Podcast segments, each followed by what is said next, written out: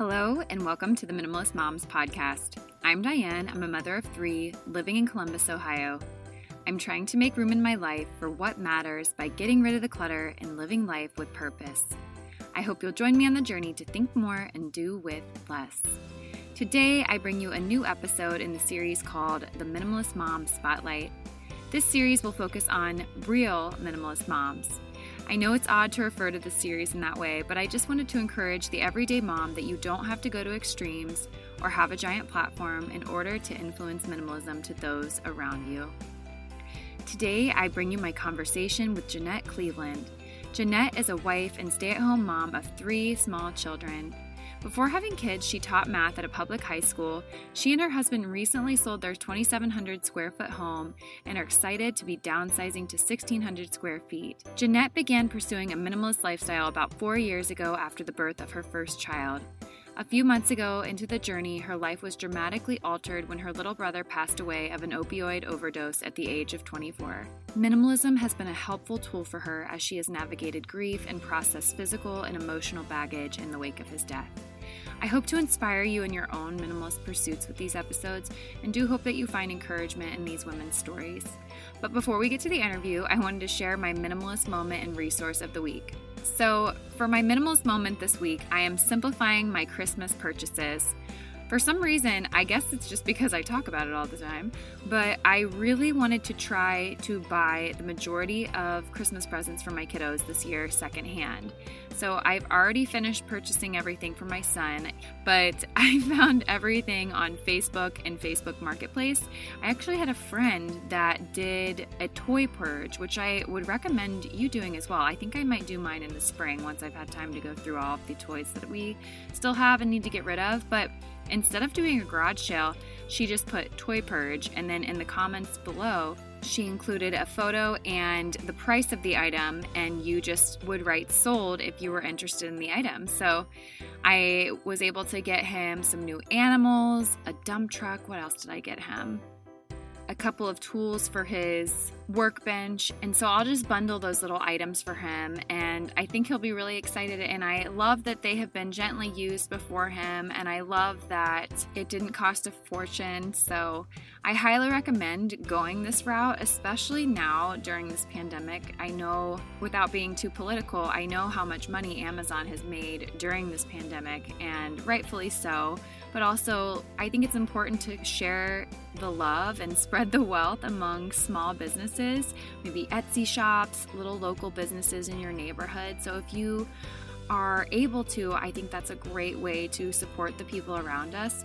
And like I said, if you just want to utilize Facebook Marketplace and help out others in your community make a little bit of extra cash to spend on their own presents, it just all really works out well.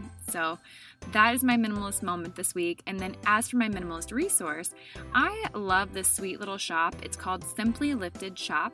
Simply Lifted is inspired by thoughtfully minimal designs and it offers children's party supplies and gifts for busy moms. And rather than the usual children's birthday themes, they really mix the earthy and whimsical colors. I just love that minimalism is one of the core values of this company, and that's just very noticeable in the design of their products. I just think these products are adorable. I'm not getting paid to say this. I stumbled upon her because I saw that she had been following the Minimalist Moms podcast on Instagram, and I just fell in love with her designs. So that's the Simply Lifted shop.com, which I'll include in the show notes for you. And now for my interview with Jeanette. Jeanette, thank you so much for joining me tonight on the Minimalist Moms podcast. Yes, thank you so much for having me. Yes, I'm so excited. I always really love doing these spotlight episodes just to get to see how minimalism has influenced others' lives because I know that I have this little bit of a platform, but I'm just like I, am just like everyone else, and I want everyone else to see that this is accessible for anyone. And um, I just I can't wait to hear your story and how it's affected you. So maybe before we kind of get into the questions, can you tell me just a little bit more about who you are? Sure. Uh, my name is Jeanette Cleveland. Uh, I'm a wife of 10 years. We just celebrated our 10th anniversary last month, actually. Mm-hmm. Um, and I have three kids that are four, two, and 10 months.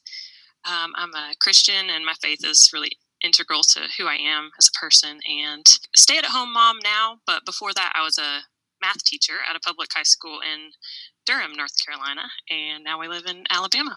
Well, tell me a little bit more about how minimalism came about in your life. How did you begin to pursue, I guess, the minimalist lifestyle? So, four years ago, a little over four years ago, after the birth of my first daughter, um, I kind of entered that new life stage overwhelm mm-hmm. and everything that comes along with a baby. And that's when I learned about minimalism and it really appealed to me. So I just started researching it more. You have a fabulous episode, by the way, about minimalism with newborns. I looked it up. It's episode oh, 23. Oh. And I love that so much. I wish I had listened to that before having kids. Oh, thank um, you anyway, so I, I just got into it, and unfortunately, a few months into my journey, uh, I got tragic news that my little brother Thomas had passed away um, of an opioid overdose. Mm. Uh, he was 24 years old at the time, and just super sweet, loving, funny, quirky. He did quirky things too, mm-hmm. but just an awesome guy and he had had several years where he had struggled with addiction but his death just came as a total shock to us because the last few months of his life actually he had been doing really well. God had just been working in his life and he had been clean for four months and was attending NA uh, almost daily at that point and mm-hmm. so it was just kind of came out of the blue. He got sick a couple days before he passed and just kind of went back to what he knew for relief from the pain. So it kind of launched us, my family and I, into a, a hard season. But during that time, I, guess a, a, bright spot in it was minimalism for me. Like it was a really helpful tool. And just practically, I was at home by myself with a one year old and dealing with grief. And so it was kind of nice to have something to put my mind to and to declutter and see progress and just have some little wins that way and a sense of accomplishment in my days. So that was just practically a really positive thing about it. And then I think it also just helped me process a lot of that emotional and physical baggage that I was dealing with um, after his passing. Yeah. Well, thank you for sharing that. I'm so sorry to hear that. There's so much to be said about how horrible the opioid crisis is right now and just how mm-hmm. tragic and devastating it can be to families. I know we have a lot of that going on in Ohio. Yeah, I'm just sorry to hear that. But I know that you said to me off the podcast that his death impacted the way that you view physical items. So, how would you say that that has changed you, I guess? Yeah, it definitely has. So in the past, I used to think that if someone passed away, that you were obligated to keep everything. Mm-hmm. That I guess that was one of two ways you could honor their life. Like you could honor them by keeping all their stuff, and then you could honor them also by just in the way that you live and the way you treat people and kind of keeping that memory of them alive. Um, mm-hmm. So I had an aunt pass away in high school, and she was super generous and had given me lots of gifts throughout my life and for over 15 years after that did not get rid of anything that she had given me and with thomas i just had this shift of perspective, I brought home some of his old t-shirts. So we were at my parents sorting through things and I put them in my drawer and then just weeks went by where I just kept looking at them and I had intentions to use them as pajamas, but for some reason I just didn't ever actually wear them. Mm-hmm. and so I was like, why am I not wearing these? And um, I think it was because those particular items reminded me of some of the destructive parts of his life. Mm. And so I was just like conflicted about I don't know, should I keep these? Should I get rid of them? Mm-hmm. Um, and it wasn't like I just wanted to get rid of them to live in denial and pretend that like none of the challenging parts of his life had ever happened. But I guess I don't know how to describe it exactly, but I wanted to honor his life. And I felt like it was the way to do that was to keep his stuff. Mm-hmm. But then I was now living in this guilt and the sense of like, I should be wearing these, but I'm not and and finally I just let it go. Like I don't I don't exactly know why, mm-hmm. but it was just super freeing. Mm-hmm. And I realized I could honor his life better when I didn't let the stuff and the guilt interfere with my ability to do that. And it's not wrong to to keep things and it's not wrong to get rid of things. I just wanted to make sure the stuff that I kept was actually supporting my ultimate goal and how I wanted to honor his life. Mm-hmm. And so did you end up was there anything that you did keep that you feel like you use regularly tell me more about that i've probably only kept about three or four things honestly, mm-hmm. but they're like really meaningful things to me. Yeah. Um, I wouldn't say I so much use them, but I do. Well, we're currently living at my mother in law's, but when we move into a new place, I would like to display them. Mm-hmm. But I have, I had a friend made a painting that I was going to give him for a present for his six month clean. They kind of celebrate the milestones in NA, and so I was going to give that to him, and he, he made it to the four month point. Um, so that was something that was special mm-hmm. and i don't know it makes me happy to see it and mm-hmm. sad so it doesn't necessarily like spark joy every time yeah. i see it but that was one i have one thing that he uh, well when i first got married i almost set our kitchen on fire and thankfully my husband threw the pan out to the bushes and caught the bushes on fire. It was this big ordeal. Uh-huh. um, so for that for christmas that year my little brother kind of made a joke gift where he gave us a fire safety manual that he had written out in his handwriting with fun, you know funny things some serious things and some funny things. And mm-hmm. so i keep that with my cookbooks and pull it out sometimes. And so yeah i guess those are some of the things that i kept yeah yeah but i didn't feel obligated anymore to keep every single thing yeah and it was really freeing it's so tough when we have these sentimental items that we're attached to and i have a a couple of podcasts talking about that, but I think that we have to remember that it's the memory that is so strong and profound to us and not necessarily the item. And that doesn't mean, like you said, that yes. we get rid of all of it because there is something to be said about displaying those items or wearing those items or just even if you even if it is something like the fire manual that you keep in a drawer and look at every so often it's just it's really meaningful to you. And so i think that mm just not keeping museums and again easier said than done. I haven't really been in that situation myself yet. I know that at some point my parents are going to pass and i'm going to have to deal with the possessions that they have. But i would love to just hear if you have advice for someone listening that may have physical possessions um, from a from a loved one that has passed or just that has been passed down do you have any advice for them on how to navigate that for themselves well, first, I'd say if you're dealing with a loss, I'm really sorry to hear that.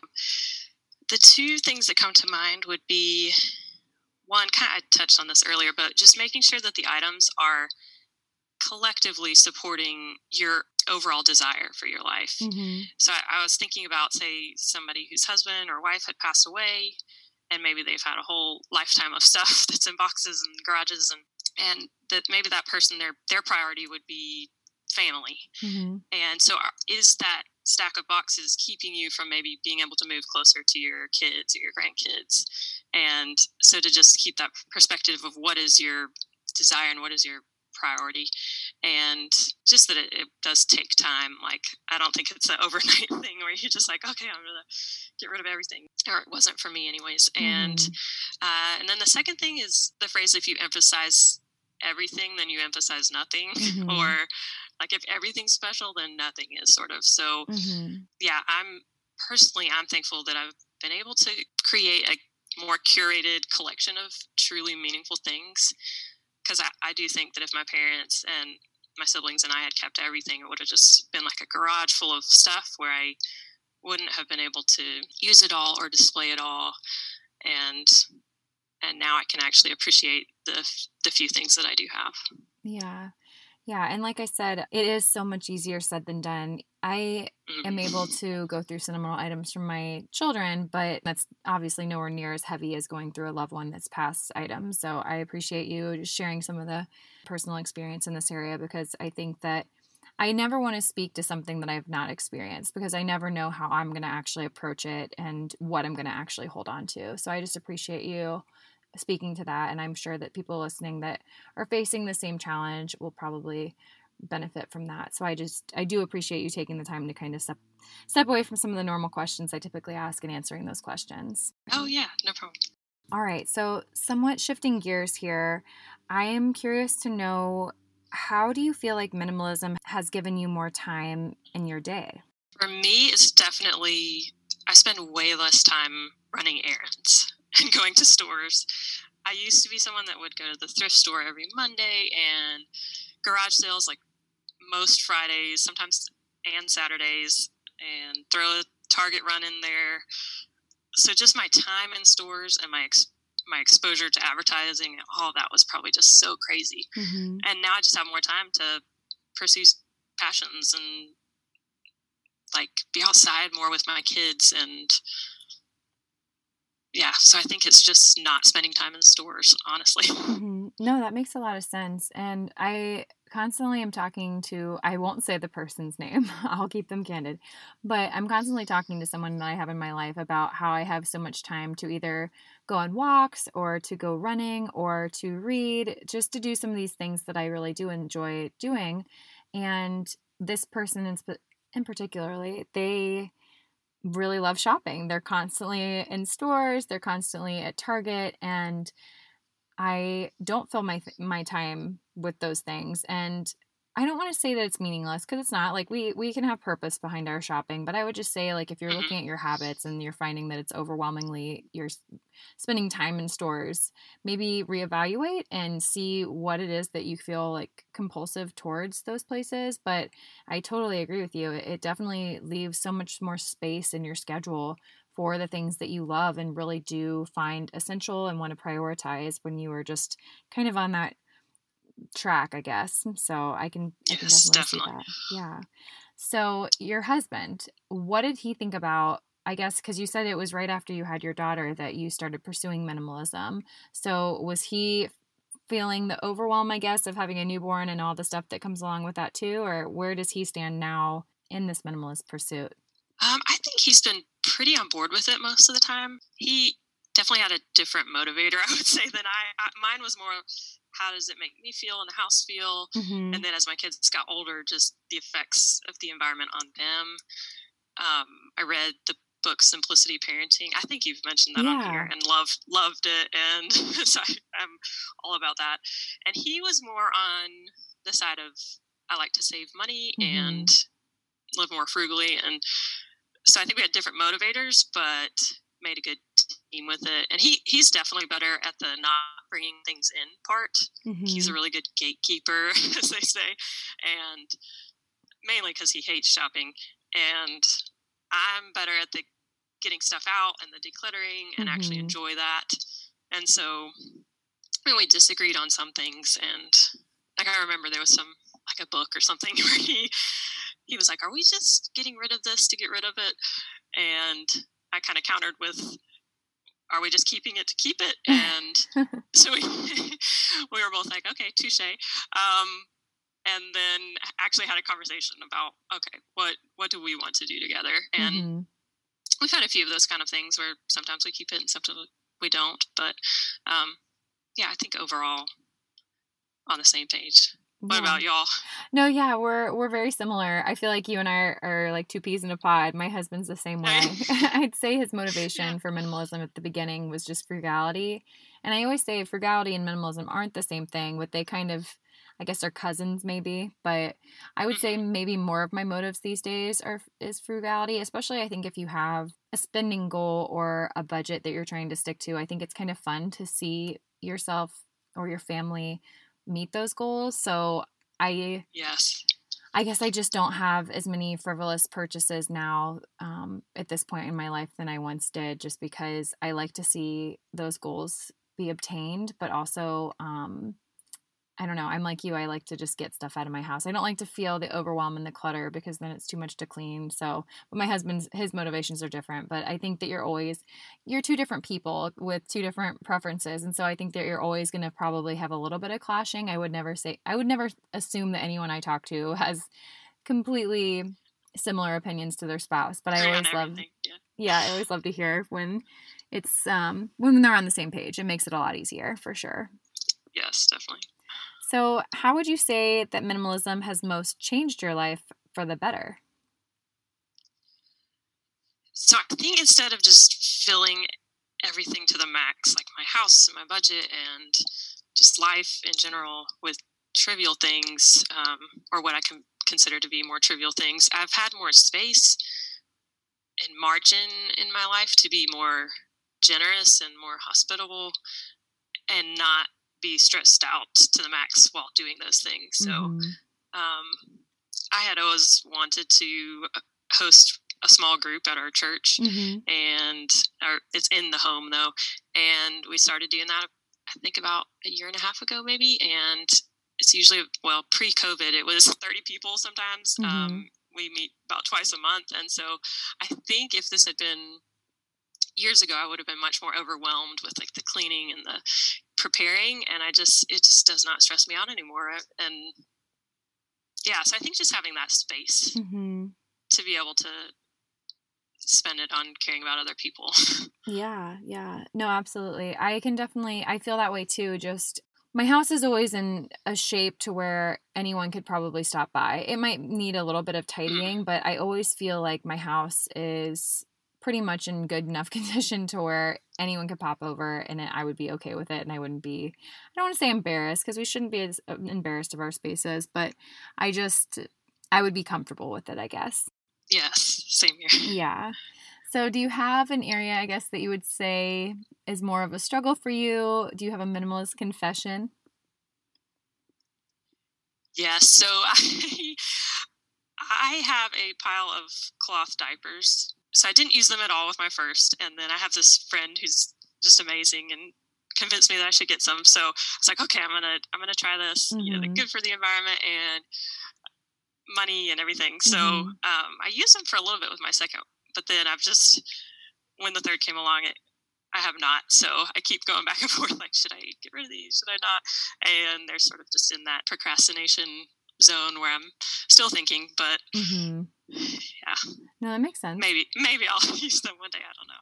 Well, is there anything else that you'd like to share that's been important with you in your minimalist pursuits, or just any wisdom that you would like to leave with listeners? Um, I think just to keep at it. You know, if you're working at a big mountain of stuff, it might not seem like you're making much progress, but little by little, that's going to add up to a lot. Mm-hmm. And especially if you work on that the other side of, you know, stopping the flow of stuff coming into. Mm-hmm. It took me a while to get to that part of it. I feel like I was years in before I was like, oh, I need to stop bringing more stuff in. Yeah. so, yeah, I guess just just keep at it, and one day you'll look back and be like, oh, wow, I made progress. yeah. No, that's great advice. Stopping the stopping the things from coming in, which is I know it can be hard with kids because they bring their own things in. But yeah, I think that if we can get ourselves under control yes, too, it makes yes. a huge difference. Great. Well, I'm going to wrap things up here with asking you the two questions that I ask every guest. And the first one is what is something that you're simplifying right now, aka what is your minimalist moment of the week? I love these questions at the end. Um, I am simplifying how I'm doing gift giving. So I read a book recently called The Lazy Genius Way. Have mm-hmm. you heard of mm-hmm. that? Yeah, I have. Okay. Um, and she talked about just the decision fatigue that comes along with, you know, a kid's birthday party's coming up and what do I get them? I don't know. And so she suggested making a list of every type of occasion, like baby showers, teacher gifts, what else, weddings, you know anything you can think of and then kind of coming up with a formula for what you're going to do mm-hmm. for each of those different occasions and so i literally sat down and wrote it out like i'm going to for a baby shower do diapers and one of our favorite kids books mm-hmm. and um, and i tried to since i had the time to think about it really emphasize more consumable things and experiences and um, so I'm excited. I just did this recently, so hopefully I can put it into practice. It's so funny that you said that because I have her book and I sat down the other night. Really? And yeah, I that I just was like starting to flip through a little bit of it. I hadn't like actually dove into it, but I read mm-hmm. that part. That was the part that I read. Oh, really? yeah. That's, That's so cool. funny. Yeah, I've kind of done the same thing with um with kids' birthday cards. I always give a ten dollar ice cream gift card that's what it, it's just like my go-to. Uh, we have a local place called Jeni's here, and I'm always just like ten dollar Jeni's gift card. Okay, that's what you're getting. So, yeah. you don't need to contribute anymore to the toys. If there's something like I know my sister's like my son really really wants this, I might go out of my way and do that, but it's just it's ten dollar Jeni's gift cards, and I know that some people will buy. So you don't have to go run to the location every time there's a birthday. You get like $50 worth, I mean, on $10 separate cards. But just so that you always have them, which I feel like could be somewhat helpful, but yeah. No, that's a great thing to simplify.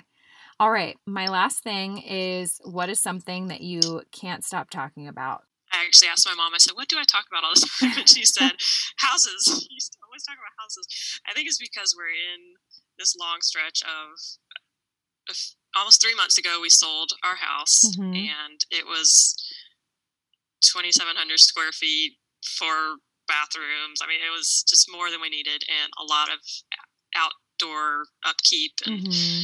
a pool and just much more than we needed. And I had been wanting to downsize for a little while, and so we are going to be moving in.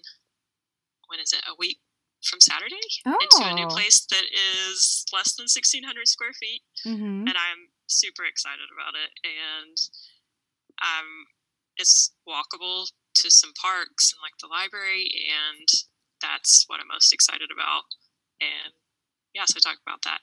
And I'm I'm trying to I learned from one of your podcasts actually that moving is a good time to start new habits. Yeah. And so I'm I'm already thinking through.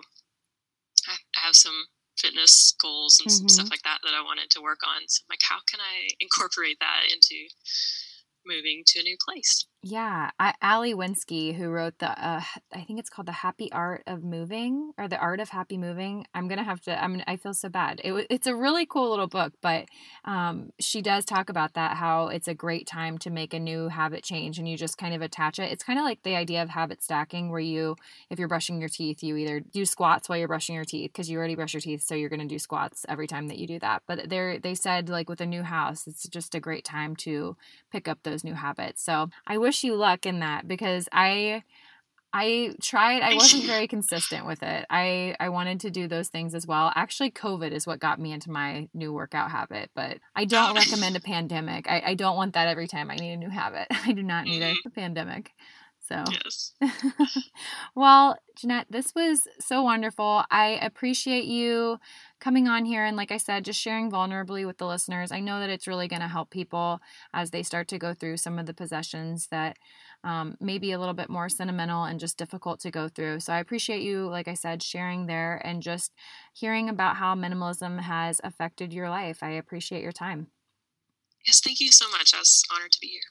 What did you think of this Minimalist Mom Spotlight interview? I hope that you found some inspiration in Jeanette's story. And if you or someone you know would be interested in being a guest on the show, send me a message via email or Instagram. I wish you a lovely week as you think more and do with less.